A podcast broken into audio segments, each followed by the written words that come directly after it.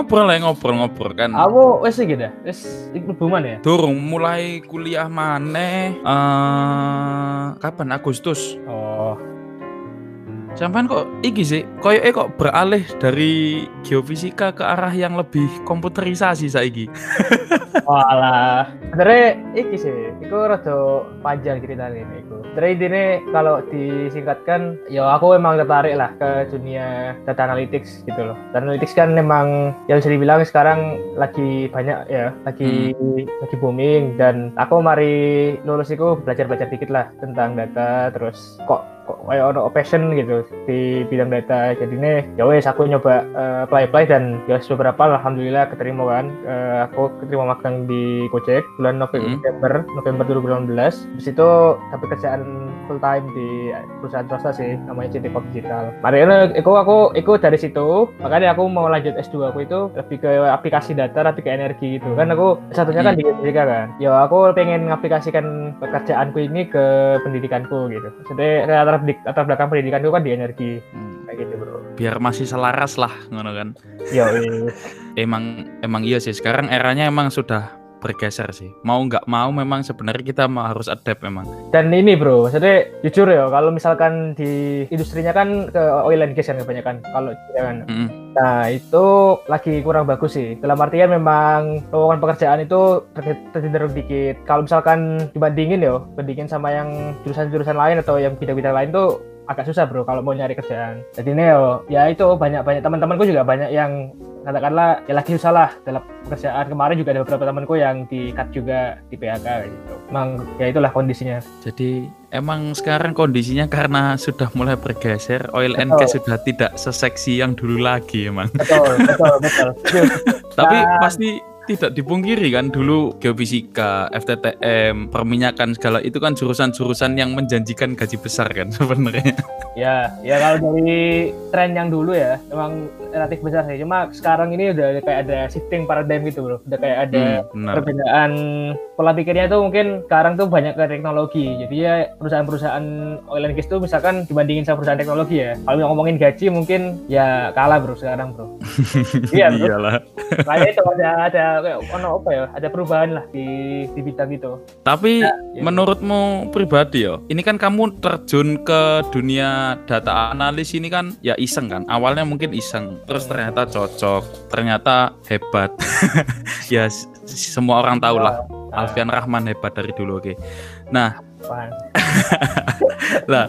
Terus kamu ngelihatnya ketika masuk ke, ke dunia data analis ini tuh emang waktu itu ya udahlah tak tekunin sekalian karena aku sadar bahwa oil and gas sudah nggak seseksi dulu lagi, dunia geo-geoan tidak seseksi itu lagi atau memang murni ah kayaknya passionku lebih ke sini deh. Nah, Menarik ini pertanyaannya. Sebenarnya kalau dari aku sendiri, aku masih dua-duanya sih. Tapi cenderungnya memang ke data. Cuma aku nggak memungkiri kalau misalkan masih apa ya, masih ada passion lah di bidang geofisika atau geologi dan semacamnya. Cuman kalau ngomongin ke yang lebih general lagi ya, kalau misalkan apa ya, kalau misalkan di bidang energi pun, aku lebih tertarik ke energi terbarukan sih. hmm, Kan kalau oil and gas kan itu energi terbarukan. Ah, ya udah ya ada shifting juga sih sebenarnya di bidang energi. Kan orang-orang sekarang kalau kita cenderung lihat ke US atau ke Eropa mereka udah pakai energi terbarukan semua kan. Kayak energi Mm. angin, energi surya nah itu aku sebenarnya lebih tertarik sana sih. Dan aku dulu waktu kuliah pun aku sebenarnya tariknya geofisika pun aplikasinya ke energi terbarukan kayak ya tadi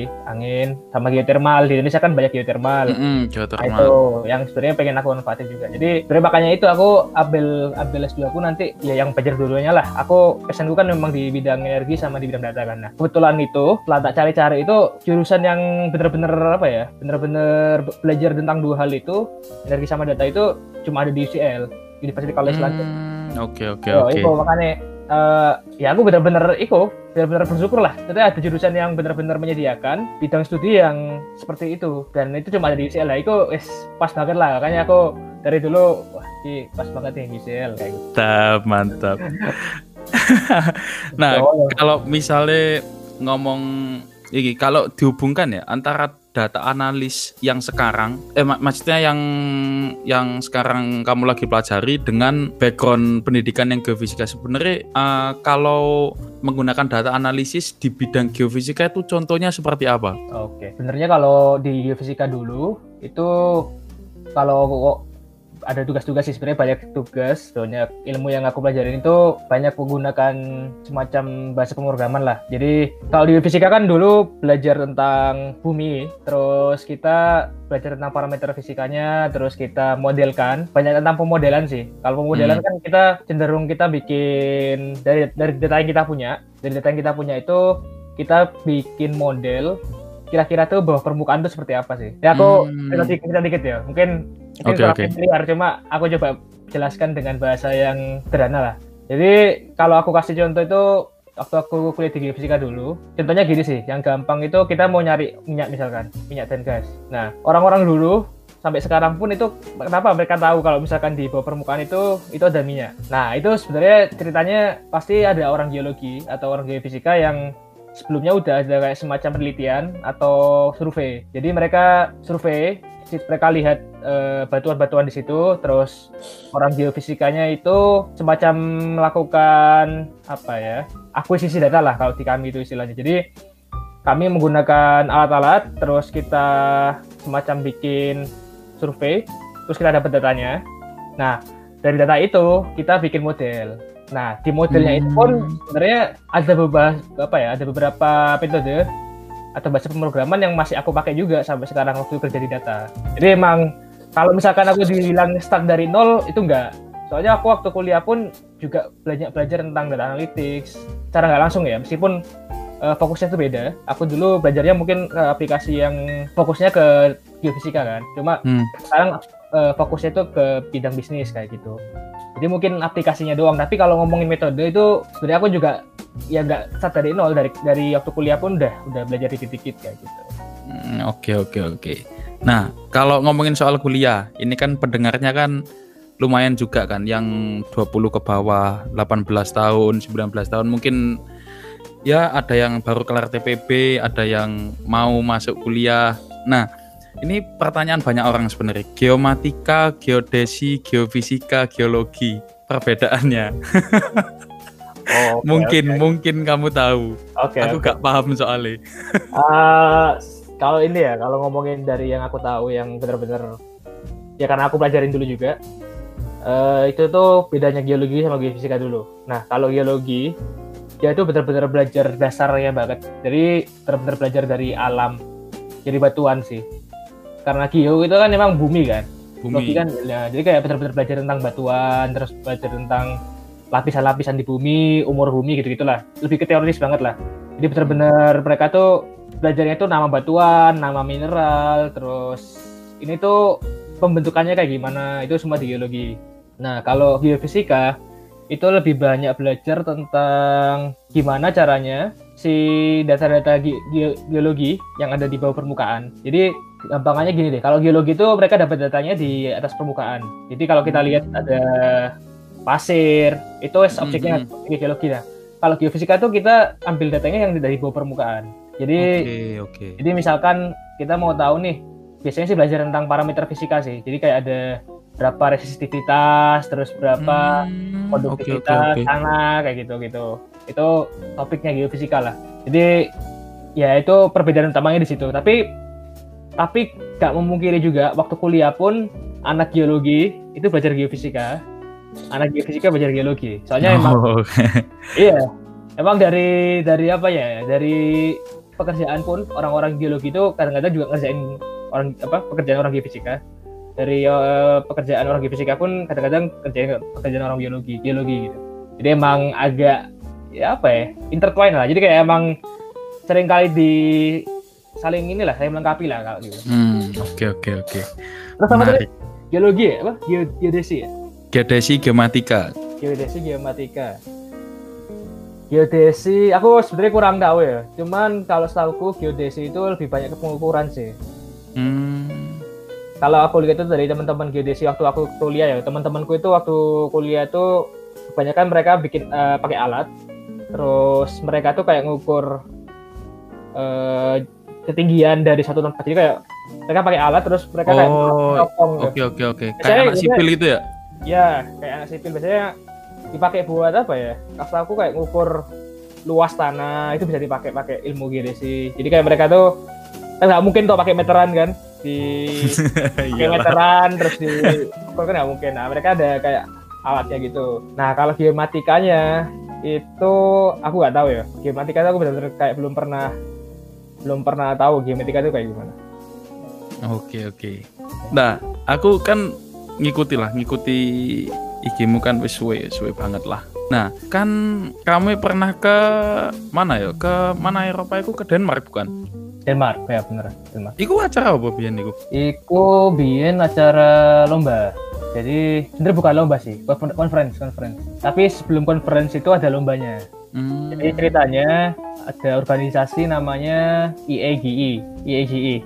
Itu European Association of Geoscientists and Engineers. Jadi kalau semacam apa ya, organisasi geofisika geologi gitulah. Tapi di Eropa. Nah, itu dulu ngadain lomba di UGM. Jadi ada lomba semacam cerdas cermat gitulah tentang geologi, tentang geofisika dan yang menang itu bakal dapat semacam tiket gratis ke Hmm, Copenhagen ke Denmark dan alhamdulillah aku sama temanku dapat eh, juara satu waktu itu terus ya wes waktu itu bener-bener dari sebenarnya bukan dibayarin sih tapi kita dikasih duit sejumlah tertentu gitu Hmm.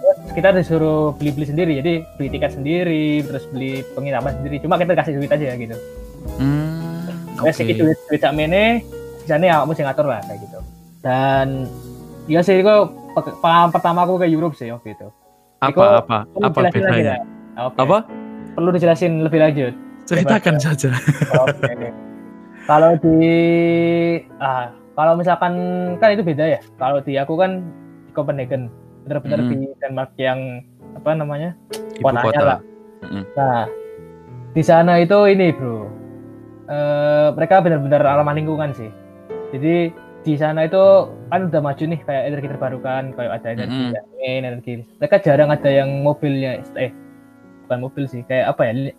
Energi listriknya itu hampir 40% singkat gitu. Itu dari angin waktu itu di Denmark. Oke. Jadi memang udah maju Hmm. banget lah energinya. Terus dari transportasi itu udah terintegrasi lah. Jadi aku nyampe di bandara itu Copenhagen ya Copenhagen International Airport itu ada langsung kereta api. Sebenarnya mirip kayak yang di eh, Soekarno Hatta. Cuma Hmm. ini lebih terintegrasi lagi. Jadi ada kereta api ke stasiun tertentu. Nah di stasiun ini bisa milih, bisa milih pakai eh, lanjut lagi pakai bis atau mau ke stasiun yang lain pakai kereta api. Jadi ya udah lebih teratur dan orang-orang di sana tuh lebih nyaman lah pakai transportasi transportasi publik ya maksudnya. Jadi mobil itu jarang sih. Jadi kalau bisa dihitung lah. Kalau misalkan di lampu merah ya bro, Serius bro. Jadi kayak eh, di lampu merah itu mobil tuh paling jaraknya ya. Kalau ngomongin jarak antara mobil ya itu hampir satu setengah meter lah. Jauh. Buset. Kalau kalau di Indonesia kan memang sempit-sempitan kan bro. Jadi Iyalah. orang-orang jaga jarak kan. Dan Kompetitif orang Indonesia. apa kompetitif. Kalau di sana itu emang ya dari merekanya udah sadar gitu. Kalau misalkan kita lebih baik pakai publik transportasi publik daripada transportasi apa pribadi. Soalnya kan emang emisi karbon juga udah besar dan Mm-mm. beda sih. Mereka benar-benar ngejaga kebersihan di transportasinya gitu. Makanya orang-orang sana nyaman ke mana-mana pakai bis. Ke mana-mana pakai bis, pakai eh, stasiun. Pak sepeda juga, sepeda itu ada jalurnya sendiri di semua jalan itu. Oh iya. Dan apa ya? Bisnya itu bener-bener rutenya itu sampai pedalaman-pedalaman, Bro. Oh iya. Iya, jadi kayak mereka tuh kalau di kita ya, kalau di sekarang Kayak angkot. Kalau di sini angkot. iya, angkotnya sana tuh kayak bis gitu. Kayak bener-bener Oh. sampai pedalaman tuh bisa sampai pakai bis. Jadi itu sih mungkin yang aku kayak excited lah. Jadi mereka udah teratur banget, terus masyarakatnya itu udah mengurangi penggunaan transportasi pribadi, pada suka jalan. Itu kayak Eropa, Eropa secara umum tuh gitu sih. Orang-orangnya lebih suka jalan lah, karena ke mana-mana tuh kayak jalannya kan lebar, jalan buat pejalan kaki. Trotoarnya tuh lebar, jadi buat mereka tuh jalan ke aku aku pribadi ya. Dulu waktu di sana itu sempat jalan kaki, cukup jauh sih, sekitar 3 kilo atau 4 kilo gitu. Dan itu gak kerasa bro, karena emang iya iya jalan-jalannya kan luas ya. Heeh. Terus aku di sana tuh sambil bi- dan sepi kan. Jadi kayak karo konco aku melaku melaku kayak nadi di kayak kok kerasa cedek yo kayak seneng seneng melaku eh. seneng melaku jadi orang di sana gara-gara emang fasilitasnya wis sapi yo fasilitasnya udah bagus mereka suka. Mereka udah nyaman. Jadi ya ke mana-mana pun ayo lah gitu. Kalau misalkan ngomongin jalan kaki makanya lebih sering jalan kaki deh. Secara umum ya. Secara umum mereka lebih suka jalan kaki. Dari lingkungan itu terus dari iki ya bro dari sosial ya dari segi sosial Nah, ya. sosial gimana? Nah, ternyata di sana itu banyak imigran sih. Kalau pernah baca-baca atau pernah dengerin kalau Eropa itu banyak imigran itu emang bener ternyata. Kebanyakan ada aku aku pribadi waktu itu nyewa hotel. Bukan hotel apa ya? Istilahnya itu bukan hotel kayak motel gitu. Jadi kayak ada tempat Oh, ha, ha, ha. hotel gitu kayak ada rumah disewakan gitu kan. Nah, Ha-ha. yang punya itu orang seingatku dulu Pakistan kalau nggak salah. Hmm. Jadi ya mereka cerita juga sih. Mereka seneng kalau ada eh apa ya orang yang bukan dari orang Eropa yang asli terus kedatangan tamu Oh, gitu lah. Ha. Kebetulan mereka juga Muslim waktu itu, Oh, gitu. enak Dan lan. enak bro. mereka ngobrol-ngobrol gitu ke kita dan ya mereka cerita emang udah ada imigran itu udah banyak banget. Jadi di jalan-jalan tuh kalau di sana gak, gak usah kaget lah kalau misalkan ketemu orang yang pakai hijab. Kebetulan emang imigran yang di sana tuh yang di Copenhagen tuh waktu itu tahu emang dari Pakistan, dari eh aku lupa ya, kebanyakan Pakistan sih tahu Jadi dan itu bro, eh itu ya, itu yang pertama ya. Ada lagi sih ini. Nah, yang sosialita yang kedua itu ini aku agak agak kaget sih sebenarnya. Jadi waktu konferensi itu, Hmm. Nah, aku mungkin aku aku aku kan ya alhamdulillah gak pernah gak pernah minum lah. Jadi gak pernah minum bir gitu kan. Alhamdulillah saya juga. Ya. Jadi emang terus, terus. Ya, kagetnya itu di sana itu waktu konferensi minumannya semua itu minuman bir bro. Ada Jadi- air putih. Jadi iya kayak air putih. Bir itu kayak air putih di sana bro. Astagfirullah. Terus terus terus. Dan eh waktu itu kayak aku agak susah sih nyari karena aku waktu konferensi kan. Terus ada kayak makan-makan bareng. Nah itu minumannya Hmm. mereka pada bir. Nah aku nyari yang agak agak air putih kok nggak ada. Adanya cuma kayak semacam eh Sprite gitulah, Sprite, Coca-Cola kayak gitu. Ah, Ya, tapi ya itu orang-orang sana tuh kayak udah kayak air putih di sana itu.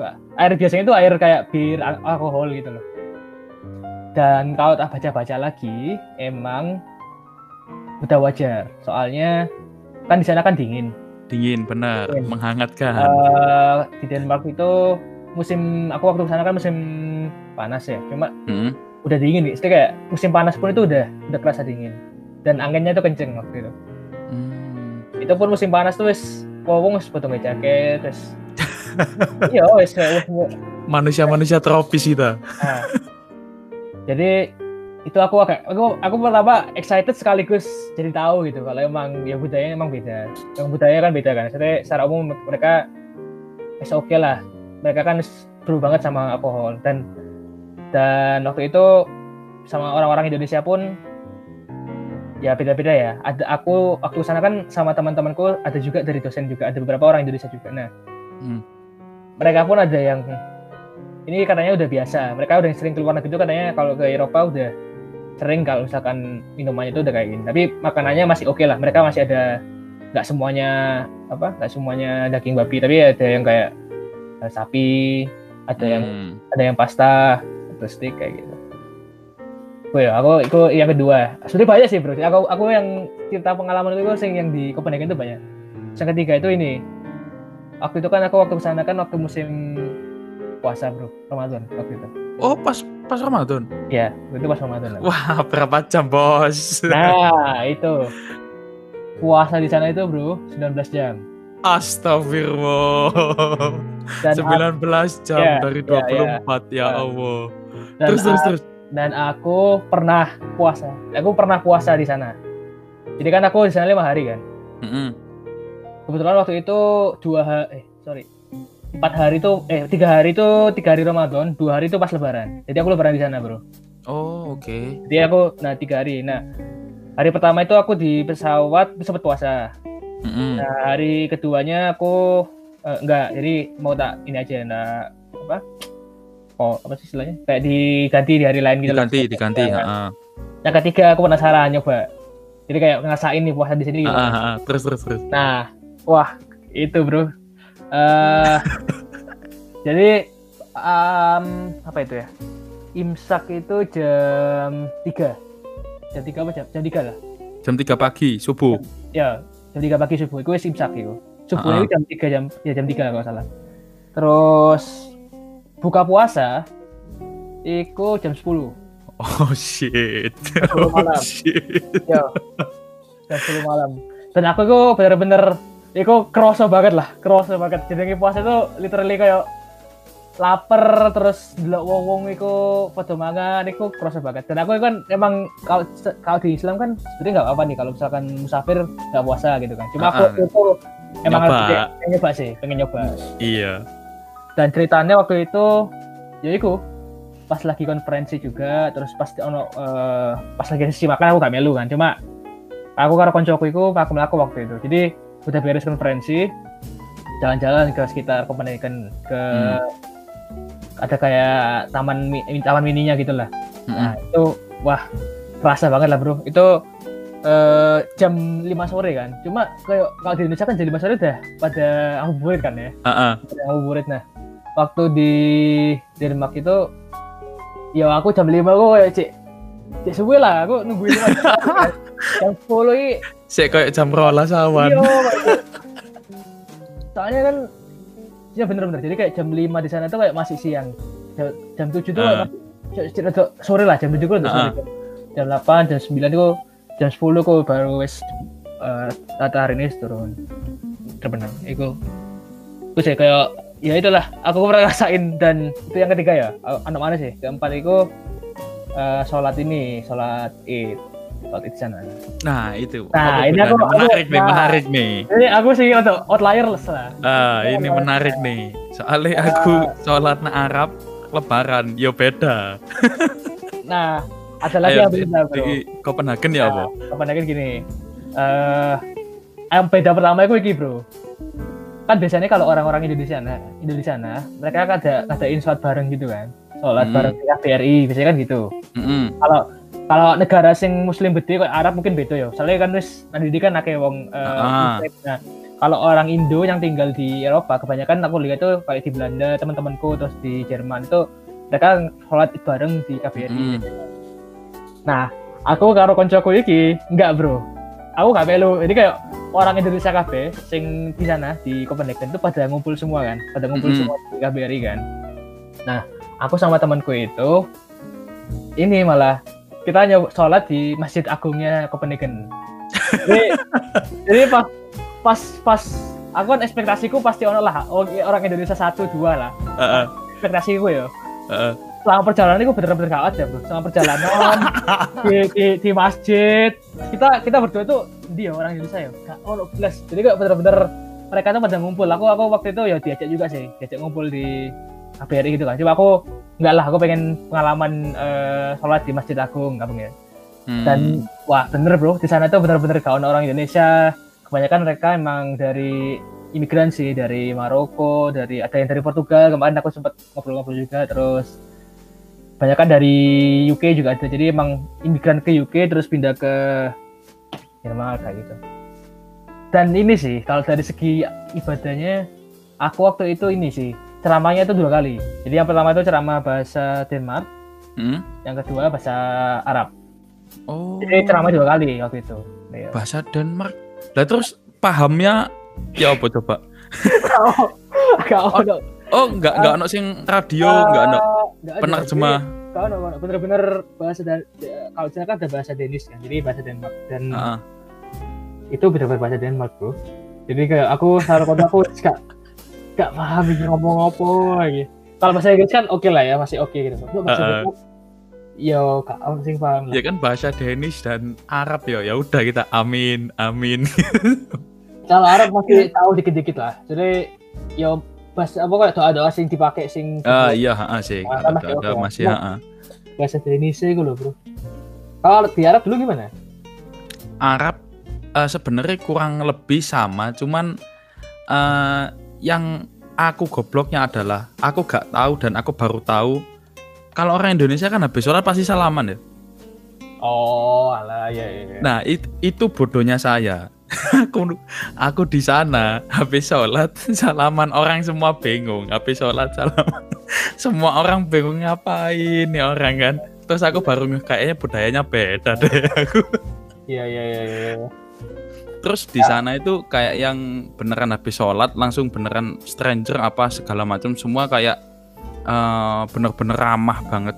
Kayak ka- kalau misalnya orang Indonesia kan mostly mung- mungkin eh, kelar sholat dari masjid mungkin salaman sama yang dikenal minalaidin apa segala macam. Kalau di sana bener-bener random aja orang semuanya kayak berpelukan cipika cipiki gitu dan itu aku kaget sih beneran kayak salaman terus ditarik langsung cipika cipiki sama orang-orang brewok brewok kan kaget lah pastilah Iya iya. iya. tapi ya pengalaman lah pengalaman Pengalaman lah. Itu itu serunya sih, serunya kayak apa ya? Belajar tentang perbedaan budaya itu menurutku langsung di tempatnya ya. Misalnya kan Ah. sebelumnya kan aku dulu na internet terus baca-baca. Cuma kalau pas di sana langsung tuh kayak wah iki loh budaya mereka tuh emang kayak gini. Itu menurutku sih ya pengalaman sih seru sih kayak gitu. sempet iki gak sempet eh, kepikiran kayak kok kira-kira bakal shock culture gak ya misal kuliah anak UK kan Tepat, itu pikiran.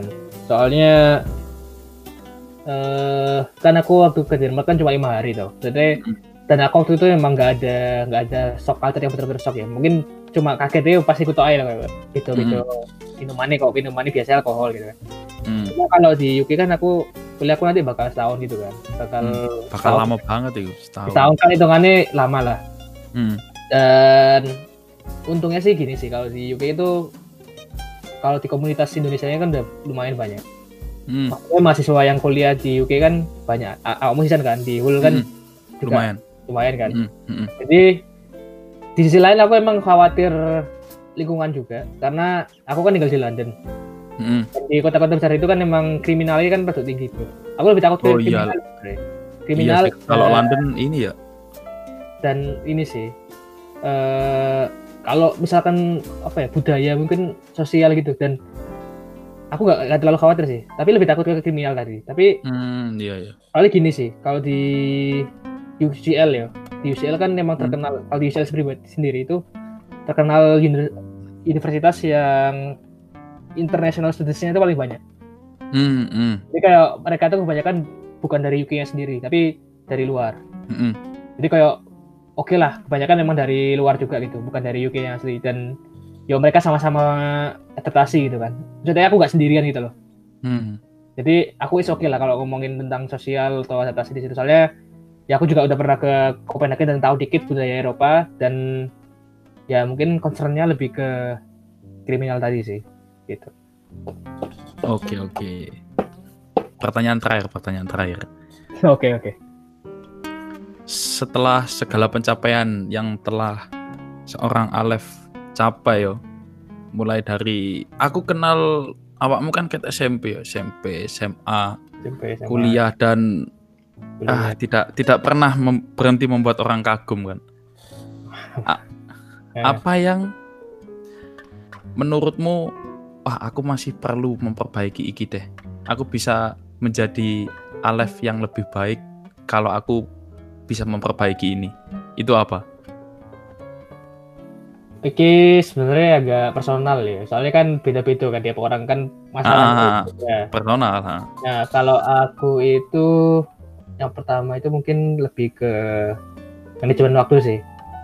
Hmm. meskipun aku aku pribadi itu kayak kan aku biasanya kayak ngadain bukan ngadain sih kayak apa ya bikin bikin lah bikin kayak schedule gitu bikin Hmm. schedule buat hari ini tuh ngapa ngapain aja terus eh, bulan bulan depan tuh ngapain aja kayak plan lah kayak gitu Hmm, hmm, hmm. nah kadang-kadang itu juga masih banyak yang apa ya masih banyak yang miss lah jadi kayak beberapa kali tuh aku plan ini nih plan hari ini tuh ngerjain A ngerjain, eh, ngerjain B gitu nah kadang kayak aku masih kayak agak moody sih.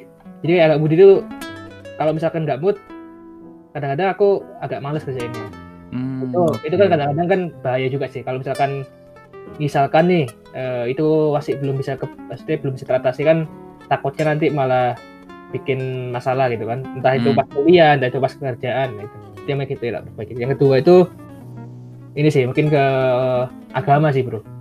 Jadi lebih ke pribadiku tuh ya aku ngerasa masih butuh banyak perbaikan sih di bidang ya maksudnya entah sholatnya entah eh, sedekahnya kayak entah eh, apa birrul walidain ya. Aku kan so- soalnya kan ngerasa semakin ke sini tuh ya aku makin sendiri gitu. Kayak Mm-mm.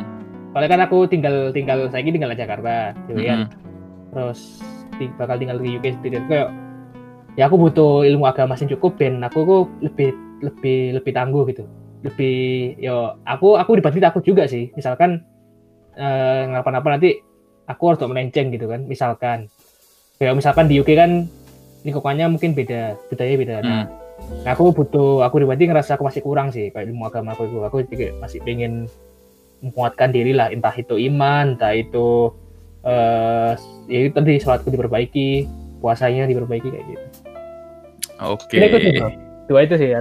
Siap. Oke. Eh, untuk para pendengar, eh, ambillah positifnya, yang buruknya dari saya tolong dibuang. Terima kasih atas waktunya, oke Alef. Terima Ya, kasih. Semoga sukses dengan apa yang direncanakan untuk ke depannya. amin Saya tunggu eh, karya-karya Anda selanjutnya. Siap. saya juga tunggu ya karya anda juga ya Siap. Oke oke. Terima kasih. Terima Oke. kasih semuanya udah mendengarkan. Assalamualaikum warahmatullahi wabarakatuh. Waalaikumsalam